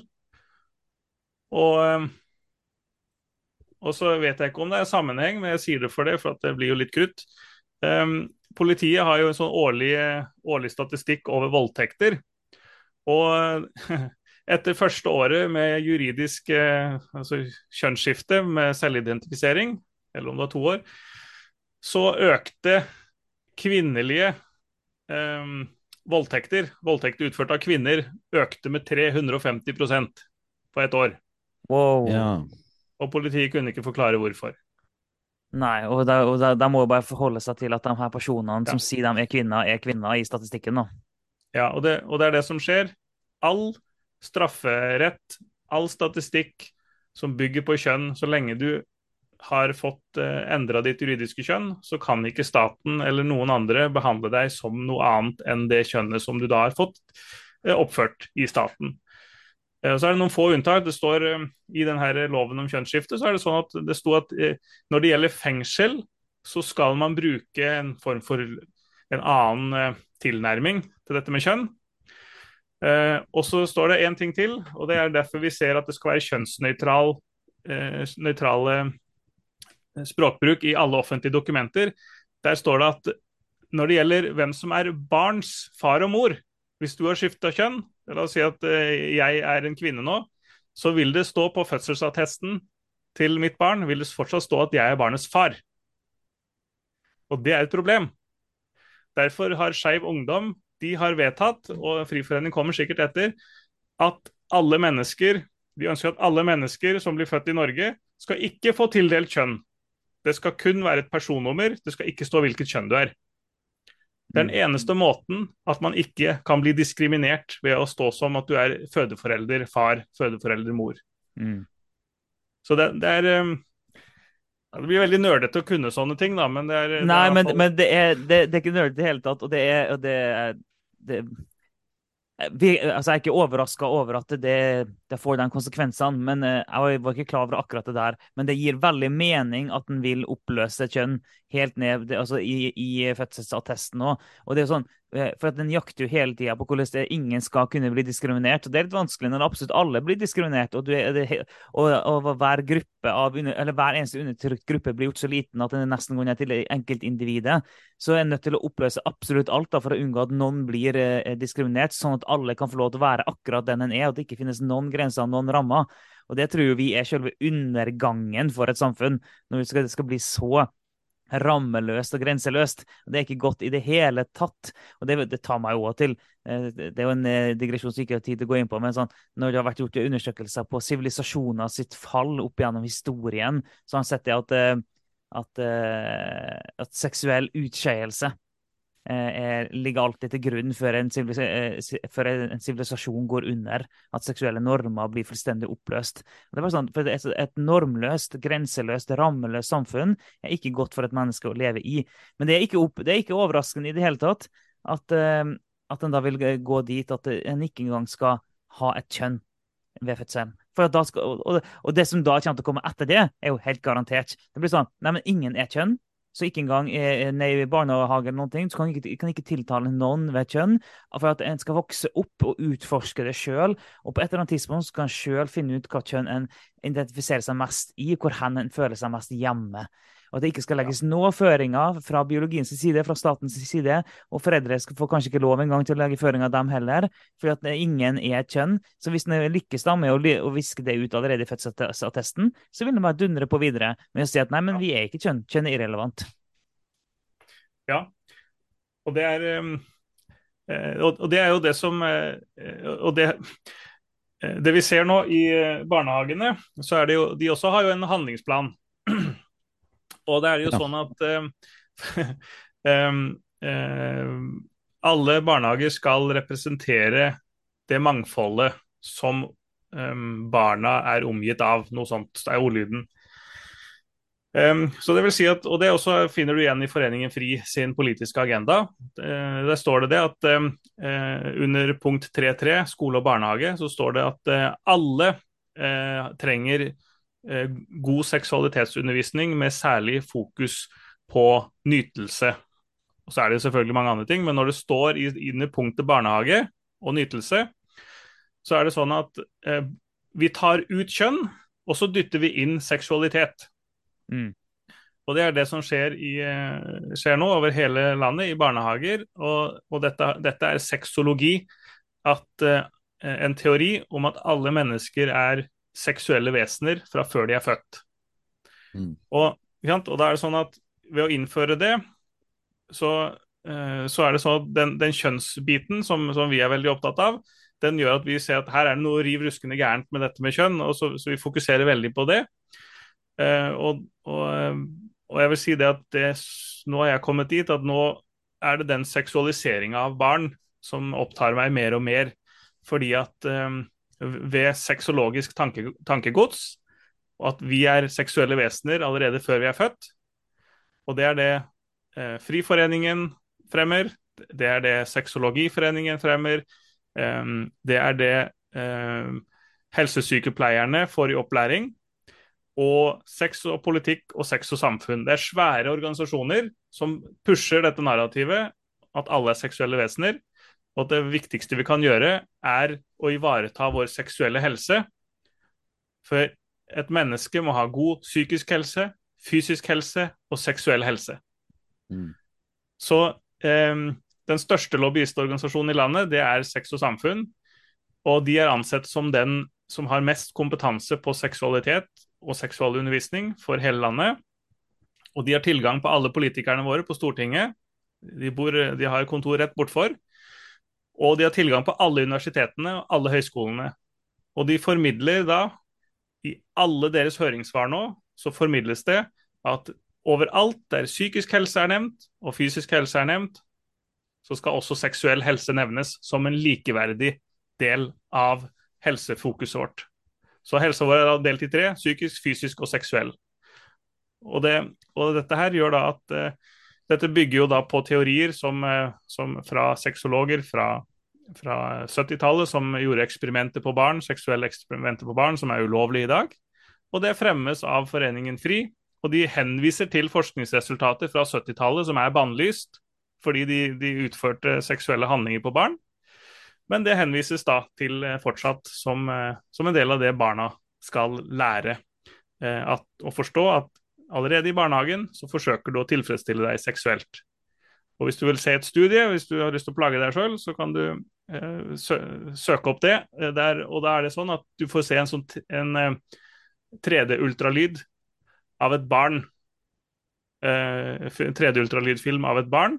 Og så må du så myse, du skjønner ikke helt hva du ser, men det er da det er da beviset som legger til grunn for at man forsøker å tilfredsstille seg seksuelt allerede i mors liv. Så det er sinnssyke greier, og, og, det er en del av den samme møkka. Fordi at det, det bygger på, en, på, overbevisninger som ikke kan bekreftes, men som må teore, teoretiseres inn at er sant. Ja, og, og det, jeg tenker på det, En ting som er viktig her for folk å forstå når de hører, okay, hører seksuell helse. For da kan man tenke at jo, men ikke det er fint da med seksuell helse. og sånn, jo, det, det, altså Seksualiteten er jo en del av vår helse, men eh, som vi ofte sier i våre julekalender, er det sånn, men problemet her er at det går ideologi i det. Eh, sånn, og, og, når, okay, og, du sa det at den bytter, uh, bytter ut kjønn med seksualitet. Ok, Kjønn blir irrelevant, den tar det bort, og så vil alt handle om seksualitet. Vi har tidligere ja. snakka i podkasten her om hvordan seksualitet og identitet liksom har blitt smelta sammen. Så du er din seksualitet. Vi vil hevde fra et kristent perspektiv at uh, det er du ikke. Du er ikke din seksualitet. Seksualitet er noe du utfører, det er en handling, og ja, det er følelser, men det er ikke den du er, det er ikke din identitet. Ditt kjønn er mye mm. mer din identitet enn din seksualitet. Uh, så den, uh, Vi vil jo avvise den koblinga der mellom seksualitet og identitet. Men, men, det er jo derfor det har blitt så viktig.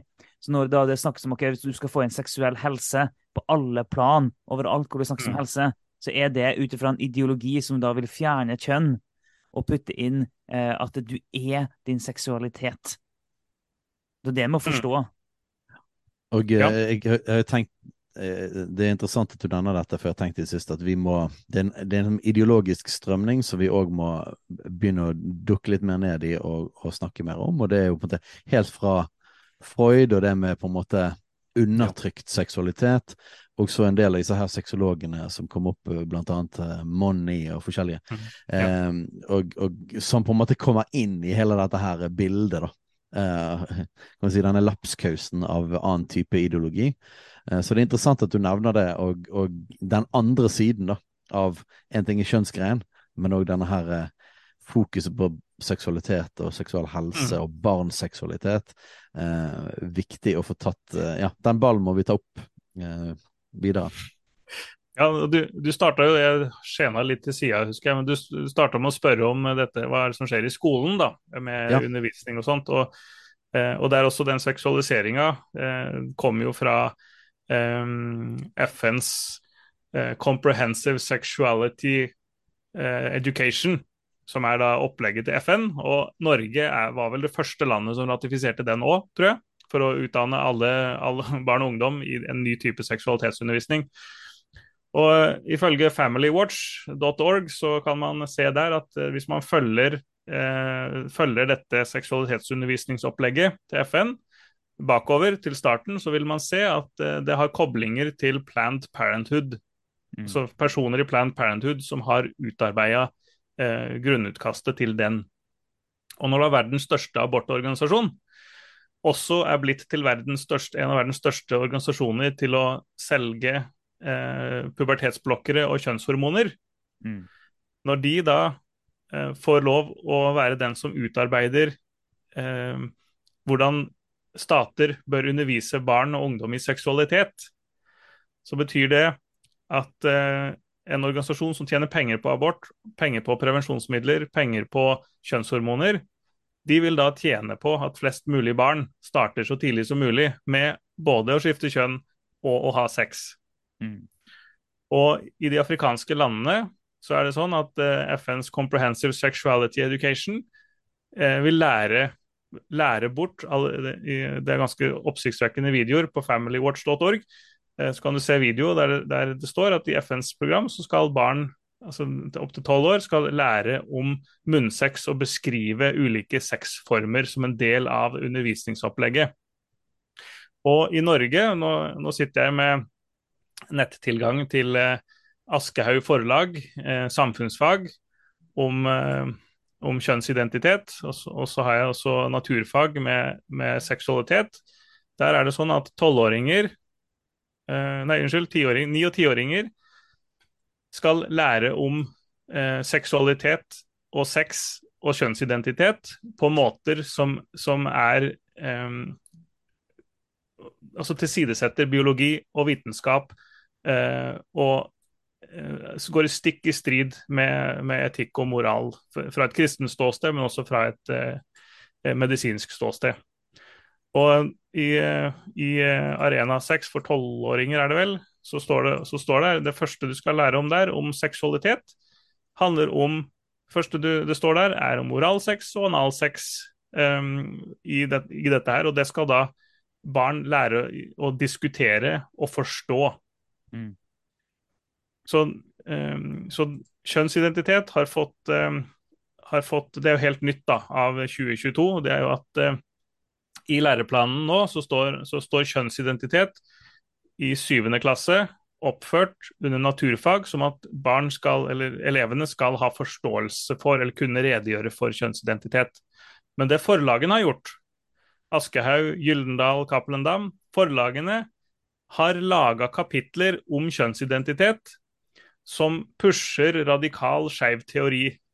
Mm. Det du kan lese på nettsidene til Friforeningen og til skeive aktivister, det finner du nå i lærebøkene i kapittel etter kapittel om kjønnsidentitet. Mm. Og Det er fordi at lærebøkene i skolen i dag skal ikke lenger kontrollsjekkes av noe fagorgan. Det er forlagene som er ansvarlig for at, eh, at de er gode nok. Og Aschehoug forlag har jo gått helt over styr med skeiv teori. Du har eh, Luca Dahlén Espseth brukes som eh, det som kalles for ekspert på kjønnsidentitet i læreboka, mm. med et kapittel som sier at uh, nei, det, det er Som fremmer at det fins flere enn to kjønn. Du kan velge sjøl ditt eget kjønn. Eh, forteller om hvor godt det er å bruke kjønnshormoner for å bli mann, transmann. Mm. Og det er helt ukritisk. Hvis, eh, I undersøkelsene som barna skal skrive på, net på nettet, så kan du skrive liksom, eh, svaret på ting. Og hvis du svarer noe som har med biologi å gjøre knytta til kjønn, så får du feil svar. Mm. Det er skeiv teori, ja. skeive begreper som skal brukes eh, Hvis du identifiserer deg som det kjønnet du ble født som, hva er du da? Da er du cis-person, er svaret. Mm. Mm. Så, så, det er, det er um, helt forferdelig, spør du meg. Og det, og det er derfor vi nå jeg, jobber med å, å, å, finne ut hva som er i alle disse lærebøkene, for å for gjøre foreldre bevisst på dette her. For jeg tror at um, den vanlige nordmann egentlig ikke er så begeistra som du sa i starten, uh, Steinar, at mm. folk majoriteten er nok ikke klar for og enig i at det finnes flere enn to kjønn, og at, eh, og at, de vil at barna skal læres opp i skeiv teori fra, fra, egentlig andre klasse. Ja, men det er jo, er interessant. Jeg oppdaget jo sjøl eh, i min eh, datters lærebok hele dette kapitlet om kjønnsidentitet. Og du satt der og hjalp med lekser og sånne ting. og da var det ikke akkurat det som var kapittelet som hun på, men det bare bladde i læreboken, så bare så ja, der, ja. Der kom det et helt kapittel om disse tingene, og det var rimelig grundig. Og det var ja, mm. all den ideologien som vi har snakket om, og ja. avsluttes så herlig med en klassebingo eh, på, på uttrykk. Stemmer det. Eh, og jeg husker ikke hva forlaget akkurat den boken var, men det var litt sånn der det, det, er nesten litt sånn uvirkelig å sitte der som forelder uh, med den læreboken i hendene. Uh, og nå har du ikke mye prøver og karakterer, men bare det du sa, det at du får feil svar, det betyr jo at liksom når du kommer opp på ungdomsskolen og videregående, så vil du rett og slett få dårligere karakter hvis du svarer hvis du svarer si, tradisjonelt eh, på disse tingene. Så det var et ekstremt eksempel på hvor praktisk å være, altså hvor mye inn i hverdagen dette kom. til. Altså, Du kan få dårligere karakter hvis du, hvis du forholder deg til vitenskapen. Det er det det, det, det i praksis eh, betyr. da. Men eh, det, det, her er jo, eh, jo kobla inn på Kristent ressurssenter og det, det, arbeidet du gjør der, Truls. Det har vi ikke rukket engang å vært inne på. Så, så, så, så siste spole bitte litt tilbake. Eh, forklare oss hva Kristent ressurssenter er, og hva er ditt arbeid der? For det er jo eh, relevant for det vi nettopp har snakka om. Ja.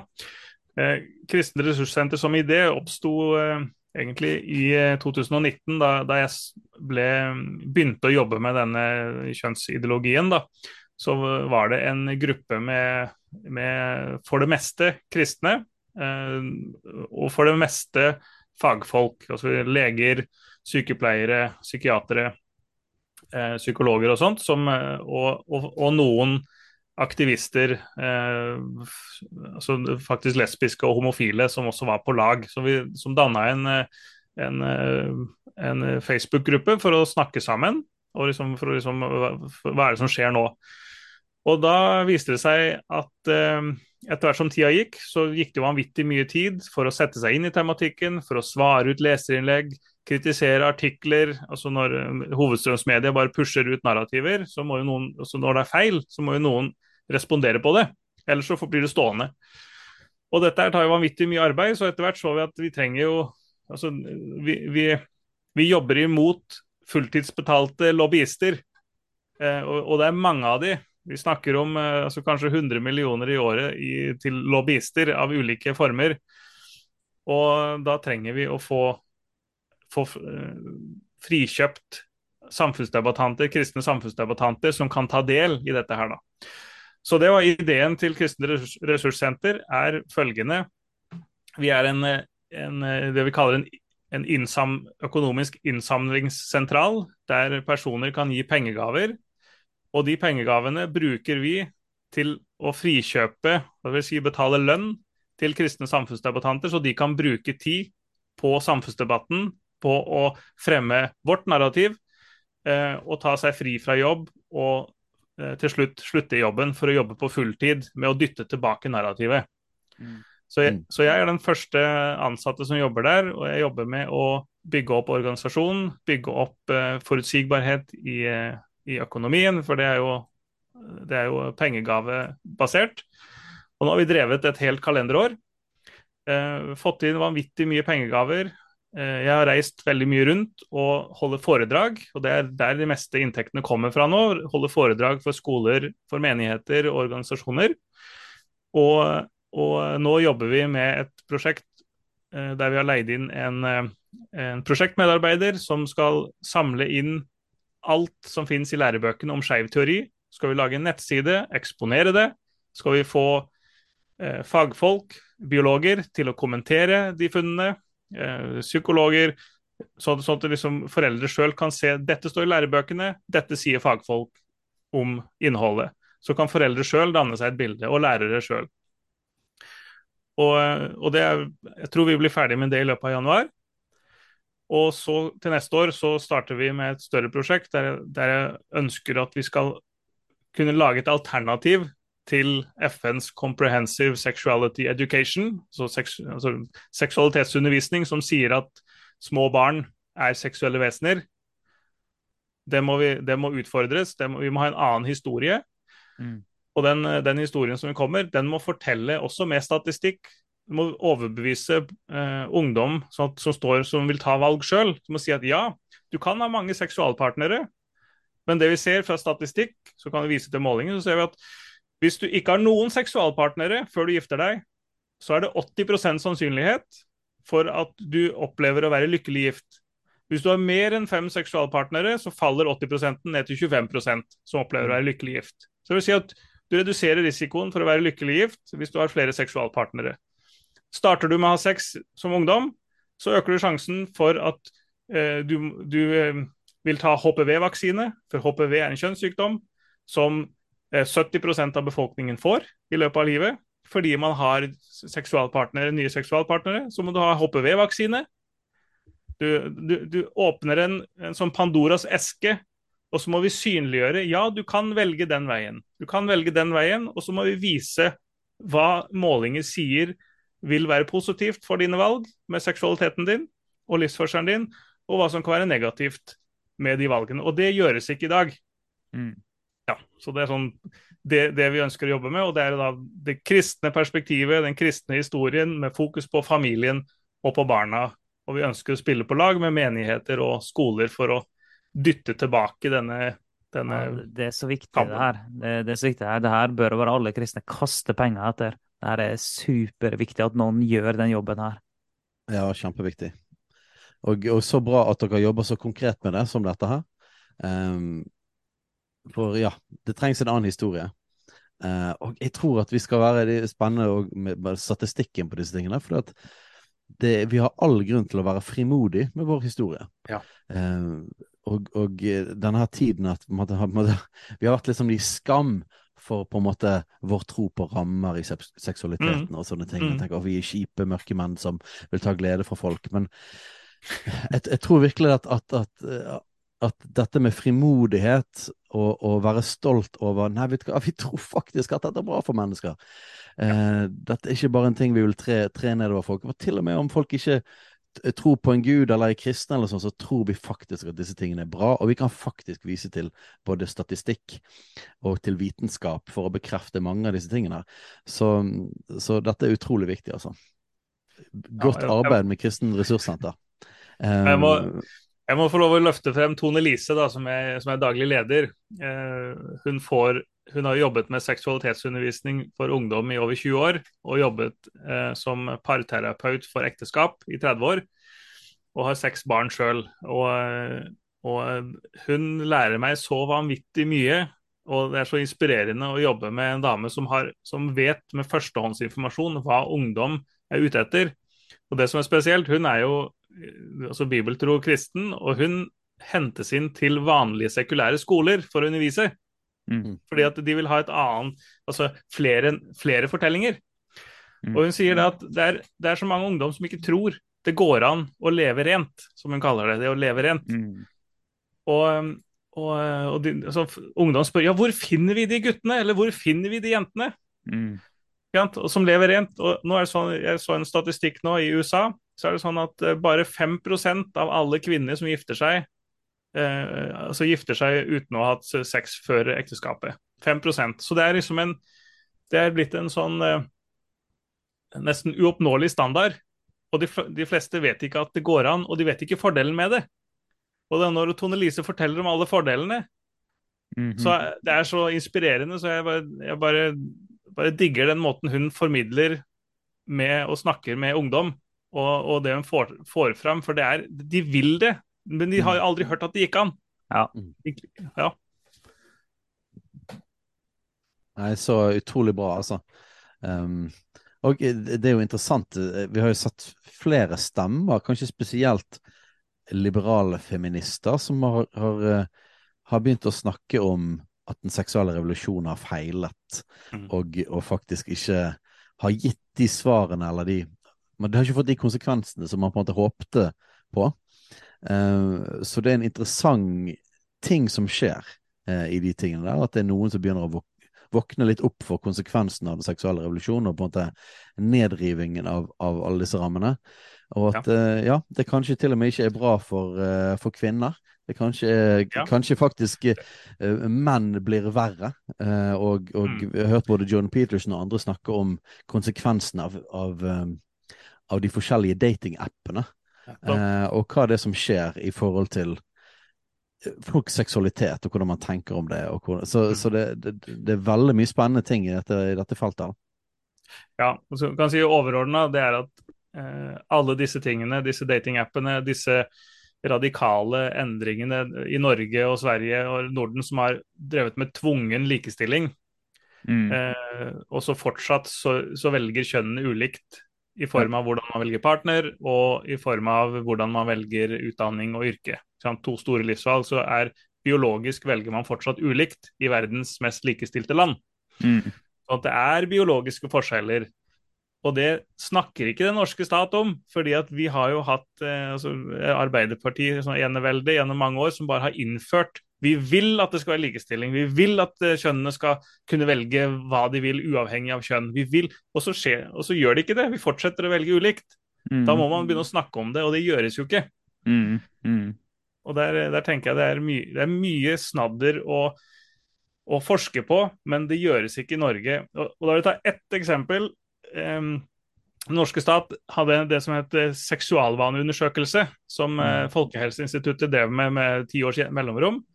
Nå har de ikke gjort det på 15 år, eller noe sånt. Men Universitetet i Oslo lagde en undersøkelse i 2020, men den er ikke publisert. Eh, seksualvaneundersøkelse. Og eh, noen av de funnene der, da, jeg bare trekke frem ett, og det er, viste det at eh, 17 eh, av kvinner har vært utro i ekteskapet sitt eller i forholdet sitt, og 23% av menn.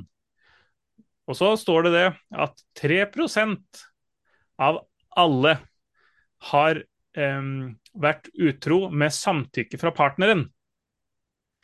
Og det som kjennetegner disse tre prosentene, var at de hadde et veldig sexpositivt syn. Så jeg tok da kontakt med sjefsforskeren på Universitetet i Oslo for å spørre hva betyr dette synet. Eh, hvordan har dere målt det?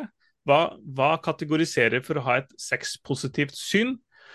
Og hva betyr det de andre 97% som da ikke har hatt samtykke, er de seks negativ?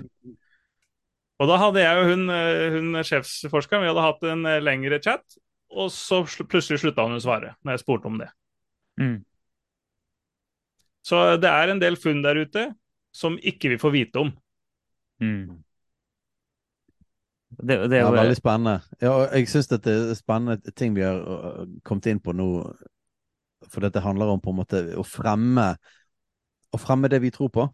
Eh, mm. Og ikke på en måte bare å være reaksjonære. Vi må, vi må snakke om det som skjer. Eh, og vi må snakke om effekten det har på samfunnet. Vi må stå opp imot det. Men det er utrolig oppmuntrende når vi kan eh, frimodig fortelle vår historie. Mm. Eh, og, og, jobbe for et annet narrativ. Eh, så ja, dette er så bra. Ja, det er det. det, altså det jeg innser jo at eh, vi, vi, er nødt til å ha flere episoder med, med deg, Truls. For her er det så mye det er så mye vi kan, vi kan og må og bør snakke om. Jo, vi, vi, tre har aldri snakka sammen før, så vi merker at her er det så mange ting, så mange dører vi kan gå inn i. Vi nærmer oss jo allerede at det her er vår, vår lengste episode noen gang. Så, det, så det, det, viser bare at eh, vi er ikke i nærheten av å være ferdig snakka, egentlig. Nei, det var tydelig, det. Så, ja, men det... så bra. Men kanskje vi skal si det sånn at uh, to be continued uh, en annen gang. Vi er helt supert å snakke med deg. Har lært så masse. Uh, og spesielt denne her koblingen til helt praktisk. Hvordan er det faktisk det foregår? Hva er det som faktisk skjer rundt i landet vårt? Um, det er utrolig nyttig, og gleder oss til å følge deg mer og Kristen Ressurssenter. Vi oppfordrer alle til å støtte, både økonomisk og invitere dere rundt. Uh, jeg tenker jo allerede, dette er jo på live, men jeg tenker vi må jo nesten bare invitere dere til oss og til vår menighet. Og, uh, og uh, det oppfordrer vi alle menigheter, organisasjoner, folk rundt omkring. Til og med om du bare er en enkeltperson. Dette treffer en nerve, det har vi bare merket med podkasten vår. Jeg regner med du har merket det, Truls. at at de som reiser seg opp og snakker om disse tingene, det kommer veldig mye positiv respons, og det er en sult i folk etter disse tingene her. Så ja. til og med om du er en enkeltperson og tenker at dette her må, må vi få gang, så vil du helt sikkert finne folk som eh, kan gå sammen og invitere og arrangere ting på ditt hjemsted. Så uh, dette er viktig å, å støtte. Utrolig viktig arbeid. Tusen takk for det. Jeg kan bare skyte inn én ting. for Det kan hende at noen kjenner veldig engasjement nå og tenker å, vi må gjøre noe. Og Da vil jeg bare si det at eh, når det, gjelder, når det gjelder det som skjer i skolene, hvis du har barn i vanlig skole, så er kommunestyret skoleeier. Kommunestyret ansvarlig for skolebøkene. Og det er du som er innbygger som er ansvarlig for kommunestyret. Mm. Nå er det kommunevalg i 2023 en fin anledning til å enten håndplukke politikere, intervjue de om hvor mange kjønn fins, og de som svarer rett, de kan, de kan jo si, tør du å si det på talerstol også. Mm. Og så tenker jeg at du sjøl, kristne, har et ansvar for å engasjere seg. Eh, ja. Og det er vi som har ansvaret, fordi vi vet hva som er rett, vi har sannheten. Mm. Og vi vet hvorfor det er skadelig å ikke følge den, og vi har ansvaret fordi vi er den eneste som har mange nok til å få til endring. Mm. Så derfor er ansvaret plassert hos kristne som hører på. Yes. Ja, men det, det, er en god utfordring. Det er et godt sted å avslutte. Og så må vi fortsette denne samtalen gjennom alle ulike veiene som den trenger å gå senere på sikt. Men vi, vi lander det ca. der. Og så sier vi takk til deg, Truls. Det, det her blir ikke siste gang. Det blir iallfall helt uh, sikkert. Tusen håper- takk for meg. Ja, og så håper vi at dere som har lytta på, er nå både sjokkert og gira og oppmuntra og eh, engasjert og alle mulige ting. Yes. Yes, ha det godt.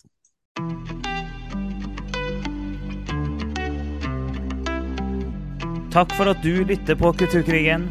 Om du har tilbakemeldinger, spørsmål, hva som helst egentlig, send inn til post alfakrøll kulturkrigen.no eller på sosiale medier.